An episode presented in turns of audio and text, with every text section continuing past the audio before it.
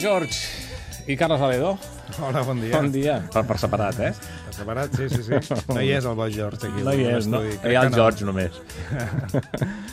Avui, una dels anys 80, New Wave, són els Culture Club, la banda que liderava efectivament, Boy George, tota una icona d'aquesta dècada.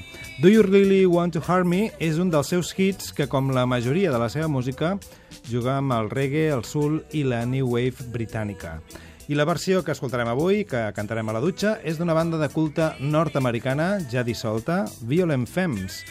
Són coneguts sobretot pel tema Blister in the Sun, Tema que jo coneixia d'Icat FM, però gràcies a vosaltres, Carles, he pres que era una versió també dels Violent Femmes.